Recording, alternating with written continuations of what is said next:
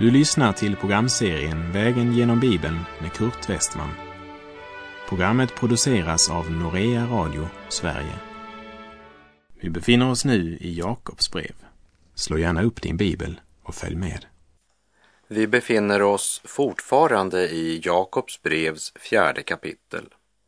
Jag avslutade förra programmet med verserna 7 och 8. Underordna er därför Gud. Stå emot djävulen så ska han fly bort från er. Närma er Gud så ska han närma sig er. Gör era händer rena, ni syndare, och rena era hjärtan, ni tvehågsna. Gör era händer rena är inte en kallelse till strävan i egen kraft, utan det är en maning att gå till honom som har makt att förlåta synder. Vi minns ifrån kapitel 9 i Matteusevangeliet att då Jesus sa Var inte orolig mitt barn, dina synder är förlåtna. Då menade några skriftlärda att Jesus hädade. Men då frågade Jesus, och det läser vi i Matteus 9, vers 5 till och med 7. Vilket är lätt lättast att säga dina synder är förlåtna eller att säga stig upp och gå. Men för att ni ska veta att Människosonen har makt här på jorden att förlåta synder. Och nu talade han till den lame. Stig upp, ta din bår och gå hem. Och mannen steg upp och gick hem. Jesus helade denne lame man för att vi ska veta att han har makt här på jorden att förlåta synder. Hör du det? Kom till honom som har makt att förlåta dina synder. När skriften talar om att närma sig Gud går den vidare och blir mycket konkret. Den har något att säga dig och mig om hur en syndare ska närma sig den helige Gud. Vi läser Jakobs brev kapitel 4, vers 9. Sörj och gråt och klaga. Vänd skrattet i tårar och glädjen i sorg. Det handlar om att få se sig själv i sanningens ljus. Den glädje som bygger på det man inte har sett slutar med en obehaglig överraskning då man till sist tvingas inse sanningen. Låt Guds ord belysa allt i ditt liv, tankar, ord och gärningar, hur smärtsamt det än kan vara. Bekänn allt för din Herre och Mästare Låt Herren beröva dig den glädje som är falsk och som bara leder till en evig sorg. Det är stunder och situationer som borde få oss att gråta. Ta det aldrig lättvint med synden. När jag hör en kristen bagatellisera synden kan jag inte undgå att tänka här är en person som ger efter för synden när han är ensam och det inte finns några andra människor som ser. För den som tar det lätt med synden glömmer oftast det viktigaste vittnet, nämligen Gud. Var inte nonchalant när det gäller synden, utan låt Guds ande uppenbara syndens fruktansvärda allvar och konsekvens på ett sådant sätt att du gråter över dina synder och bekänner dem för Gud. Det säger ganska mycket om den andliga situationen i vårt land idag, att det är så få som gråter över sina synder. Och kanske är det därför att det är så lite av den fullkomliga glädjen bland oss i våra olika församlingar. Det finns så många stora och välkända evangelister och det hålls många stora kampanjer. Men talas lite idag om kampen för att komma igenom till liv i Gud. Kanske därför att vi har gjort porten till livet bredare. Så bred att man inte behöver lämna synden. Man talar som om Gud inte bara skulle acceptera oss, men också acceptera våra synder så vi slipper att lämna dem.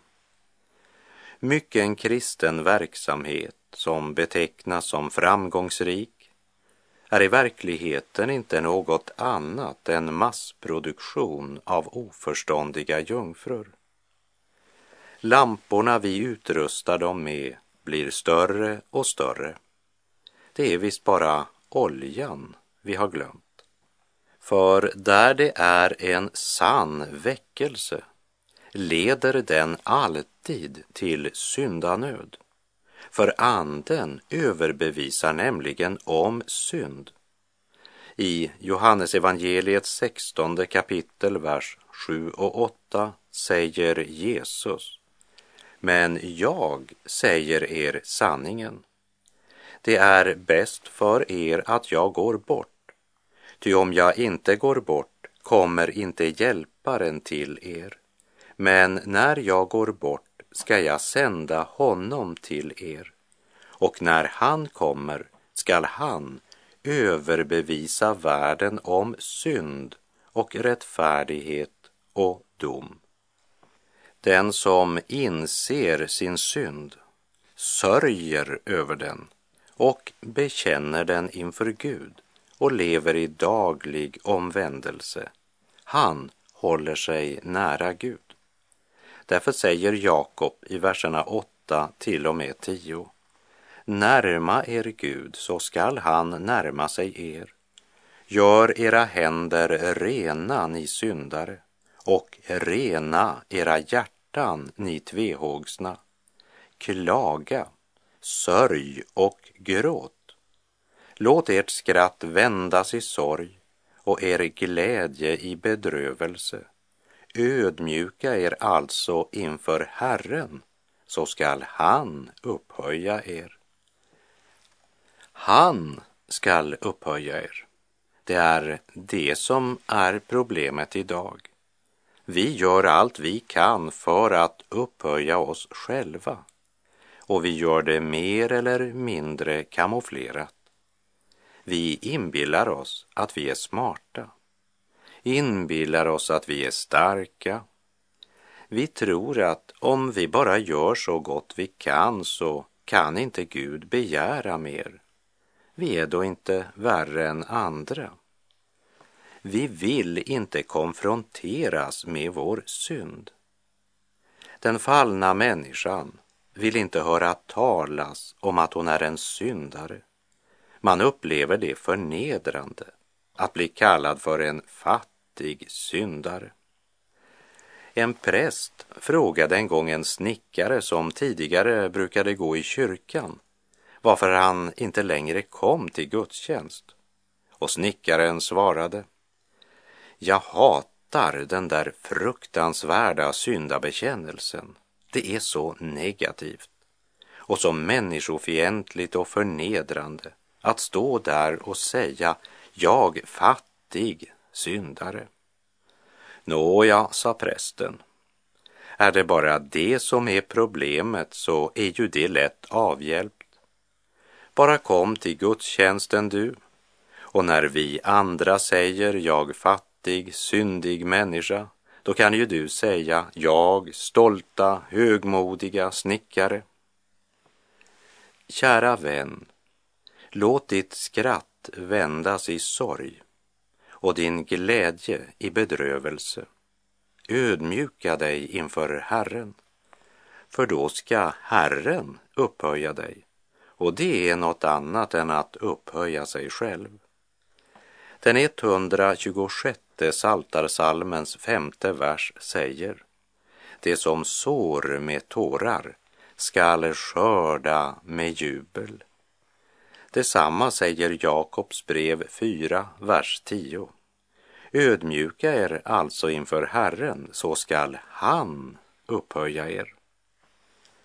En livräddare som med knytnäven knockade den som höll på att drunkna berättar efteråt att den drunknande strävade så febrilt att jag hade ingen möjlighet att rädda honom förrän han gav upp.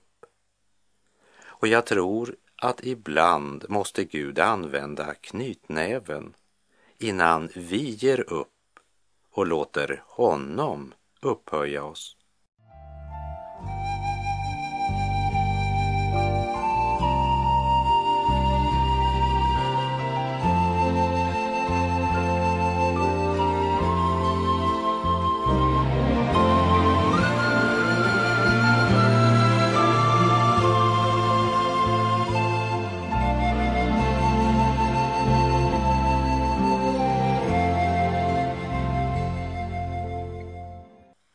Läser Jakobs brev kapitel 4, verserna 11 och 12. Förtala inte varandra, bröder. Den som förtalar sin broder eller dömer sin broder förtalar och dömer lagen. Men om du dömer lagen är du inte lagens görare utan dess domare. Det finns bara en lagstiftare och domare, han som har makt att frälsa och förgöra. Men vem är du som dömer din nästa? Att döma är att använda Guds ord som måttstock på andra utan att själv inrätta sig efter det. Det är att försöka leka Gud. Men att säga att det är synd det som Guds ord säger är synd är inte att döma. Det är att ge Gud rätt. Men då är det viktigt att komma ihåg att samma villkor gäller oss själva. Det finns två sorts människor som försöker sätta sig i Guds ställe. Det ena är de som menar om sig själva att de inte behöver den frälsning som Gud har berett för dem. Jag tror på Gud, men på mitt eget sätt, säger de gärna. Men Gud säger att det finns bara ett sätt. Apostlagärningarna 4, vers 11 och 12. Jesus är stenen som ni byggnadsarbetare kastade bort, men som blev en hörnsten. Hos ingen annan finns frälsningen. Inte heller finns det under himmelen något annat namn som givits åt människor genom vilket vi blir frälsta. Sedan har vi en annan grupp som sätter sig själva till doms över alla andra, men som inte dömer sig själv, men dömer alla andra. Jesus säger att döma, det är Guds sak. I Johannes evangeliets femte kapitel, verserna 22 och 23 läser vi. Intet heller dömer Fadern någon, utan hela domen har han överlämnat åt Sonen, för att alla skall ära Sonen, liksom de ärar Fadern. Den som inte ärar Sonen ärar inte heller Fadern som har sänt honom. De bekännande kristna som i praktiken handlar och talar som om de menade Sätt dig åt sidan Jesus, så ska jag hjälpa dig, för jag vet precis hur det ligger till med den här saken. Det finns så många självutnämnda väktare på muren i citationstecken i både den ena och den andra församlingen eller gemenskapen. Det är deras ord och meningar som gäller och inget annat. Jakob säger att vi borde döma oss själva och böja oss för Gud i ödmjukhet. Hålla oss nära Gud det vill säga leva i Guds ljus. Och Paulus säger detsamma i Första Korinterbrevet 11, vers 31 och 32. Om vi gick till rätta med oss själva skulle vi inte bli dömda. Men när vi döms fostras vi av Herren för att vi inte ska bli fördömda tillsammans med världen. Vi läser Jakobs brev kapitel 4, vers 13. Lyssna nu, ni som säger Idag eller imorgon ska vi resa till den eller den staden och vistas där ett år och göra affärer och tjäna pengar. Här nämner Jakob en sak till som vi kristna har en tendens att göra. Vi tycker om att lägga stora planer för framtiden, som om hälsa och krafter skulle vara något självskrivet. Vi borde komma ihåg att vårt liv är ytterst ovisst och att varje ny dag är en gåva från Gud. Vi läser vers 14 och 15. Ni vet inget om morgondagen. Vad är ert liv? Ni är en rök som syns en liten stund och sedan försvinner. Istället borde ni säga, om Herren vill och vi får leva ska vi göra det eller det. Jakob påminner om att varken du eller jag vet vad morgondagen kommer att innehålla. Om vi överhuvudtaget får en morgondag. Därmed har han inte sagt att vi inte ska planlägga och förbereda. Men inte i övermod tala som världens barn som inte räknar med Gud och som glömmer hur fort det vi vill kan gå upp i rök. Det är inte flit och planläggning han vänder sig emot. Men han påminner om det perspektiv som alltid borde prägla ett Guds barn, nämligen om Gud vill. Ett liv som levs avskilt från Gud och oberoende av Gud är det största misstag en människa kan göra i Guds universum. Allt annat i skapelsen tjänar Guds plan och fyller hans syfte. Solen är oerhört frikostig med sin energi som vi endast nyttjar en bråkdel av. Även månen följer Guds plan och fyller sin funktion. Det är bara människan som går sin egen väg. Och när vi ser de bittra frukterna av människans handlingar och val så skyller man på Gud och säger han kan inte vara god när det sker så mycket ont i världen. Men handen på hjärtat min vän, sker det så mycket ont i världen därför att alla människor lyder de tio Guds bud och älskar Gud över allting och sin nästa som sig själv. Det är till det troende Jakob här talar. Vi ska inte låta våra liv, våra ord och handlingar präglas av en gudlös kultur och av världens sätt att tänka. Vi ska gå till rätta med oss själva och ställa oss in under Guds ords ljus och söka Guds vilja i allt vi gör. Här går mina tankar till en sång vi ofta sjöng på Frälsningsarméns kår i Robertsfors och som vi borde damma av och börja sjunga lite oftare i alla församlingar. Tala till mig, o Herre, dig vill jag lyssna till. Lär mig din vilja känna, lyda jag gärna vill. När jag i mörka stunder sorgsen mig vänt till dig, vila och lugn jag funnit, ty du har tröstat mig. Tala till mig, o Herre, tala i kärlek stor, Stilla den nöd och oro som i mitt hjärta bor. Här vid din fot jag böjt mig, lyssnande till din röst. Tala, o käre Herre, så får jag ro och tröst.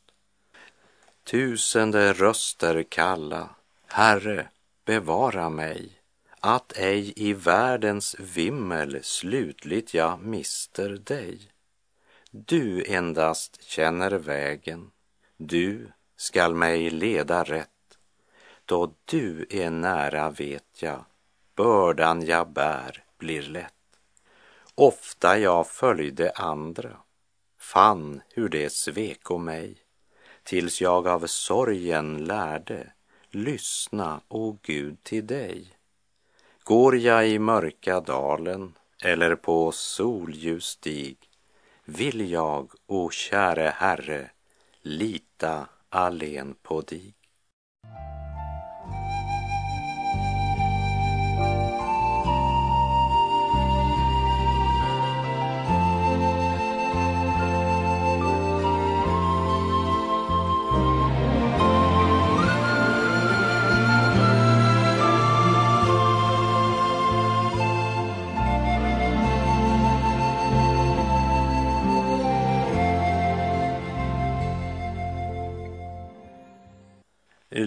Lyssna nu, ni som säger Idag eller imorgon ska vi resa till den eller den staden och vistas där ett år och göra affärer och tjäna pengar. Ni vet ju inget om morgondagen. Vad är ert liv? Ni är en rök som syns en liten stund och sedan försvinner. Istället borde ni säga, om Herren vill och vi får leva, ska vi göra det eller det. Om den hållningen fick prägla våra liv i vardag som helg så att vi verkligen var i behov av Guds ledning, både när det gällde hur vi använde vår tid, våra krafter och våra ägodelar, så skulle Guds välsignelse över arbetet inte utebli. När någon hör Guds förmaning och konkret inrättar sitt liv efter den, så blir det inte obemärkt vid Guds tron. Det är inte tomma ord när Jesus i Johannes 15.5 säger till lärjungarna, jag är vinstocken, ni är grenarna. Om någon förblir i mig och jag i honom bär han rik frukt. Ty utan mig kan ni ingenting göra. Livets kanske viktigaste och svåraste läxa finner vi just i Johannes 15.5 där Jesus på ett kristallklart sätt stadfäster vårt beroende av honom. Utan levande gemenskap med honom så är vi bara en avhuggen gren. Kristen aktivitet som inte är född i kraft av Guds ord och Guds helige ande är som en plastros.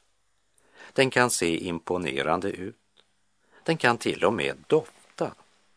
Men den skiljer sig från den levande rosen på ett område. Den behöver inget vatten, för den lever inte. Kristen aktivitet kan nog producera grenar med grönskande blad. Som resultat av aktivitet, engagemang och mänsklig utstrålning och många låter sig imponeras.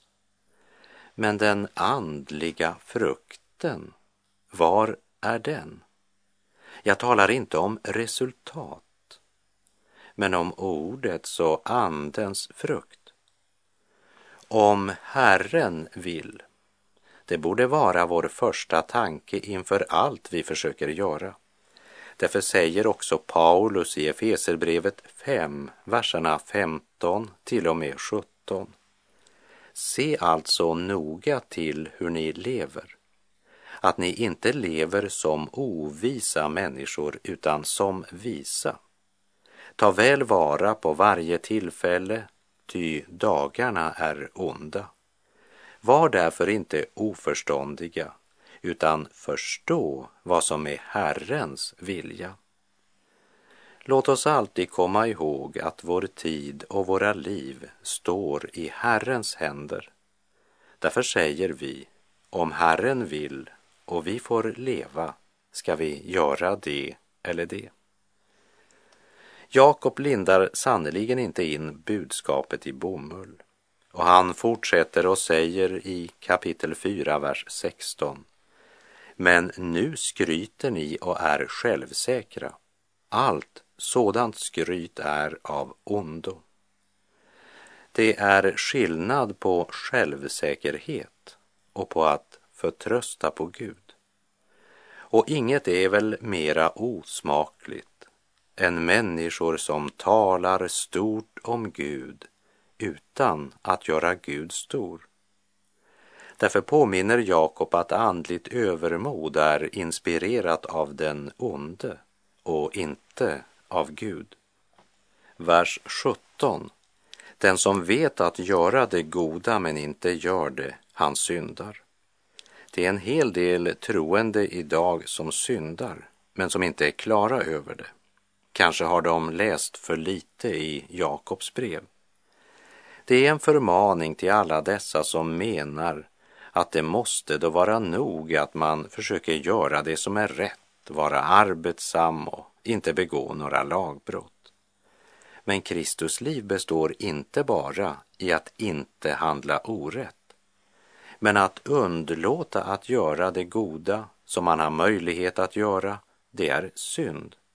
Och det säger Jesus själv mycket klart i Matteus 25, verserna 31 till 46, där han bland annat säger, jag var sjuk och ni besökte mig inte. Jesus säger alltså att de som går bort till evig dom hamnar inte där först och främst på grund av stöld, äktenskapsbrott, mord eller tygelöshet och dryckeslag och sådant. Även om skriften klart säger att det som lever ett sådant liv aldrig ska ärva Guds rike, som det står i Galaterbrevet 5. Men när Människosonen kommer och mänskligheten blir delad så handlar det mera om vad man underlåtit att göra. Jesus säger själv att de blir inte först och främst dömda för vad de gjort, men för vad de inte gjort. Och det anser Jakob det tydligen nödvändigt att påminna om. Den som vet att göra det goda men inte gör det, han syndar. Det är så klart och enkelt så inte ens en teolog kan bortförklara den sanningen. Därför borde även du och jag meditera lite grann över den sista versen i Jakobs brevs fjärde kapitel. Herren vare med dig, må hans välsignelse vila över dig. Låt oss inte synda genom att underlåta att göra gott mot våra medmänniskor. Gud är god.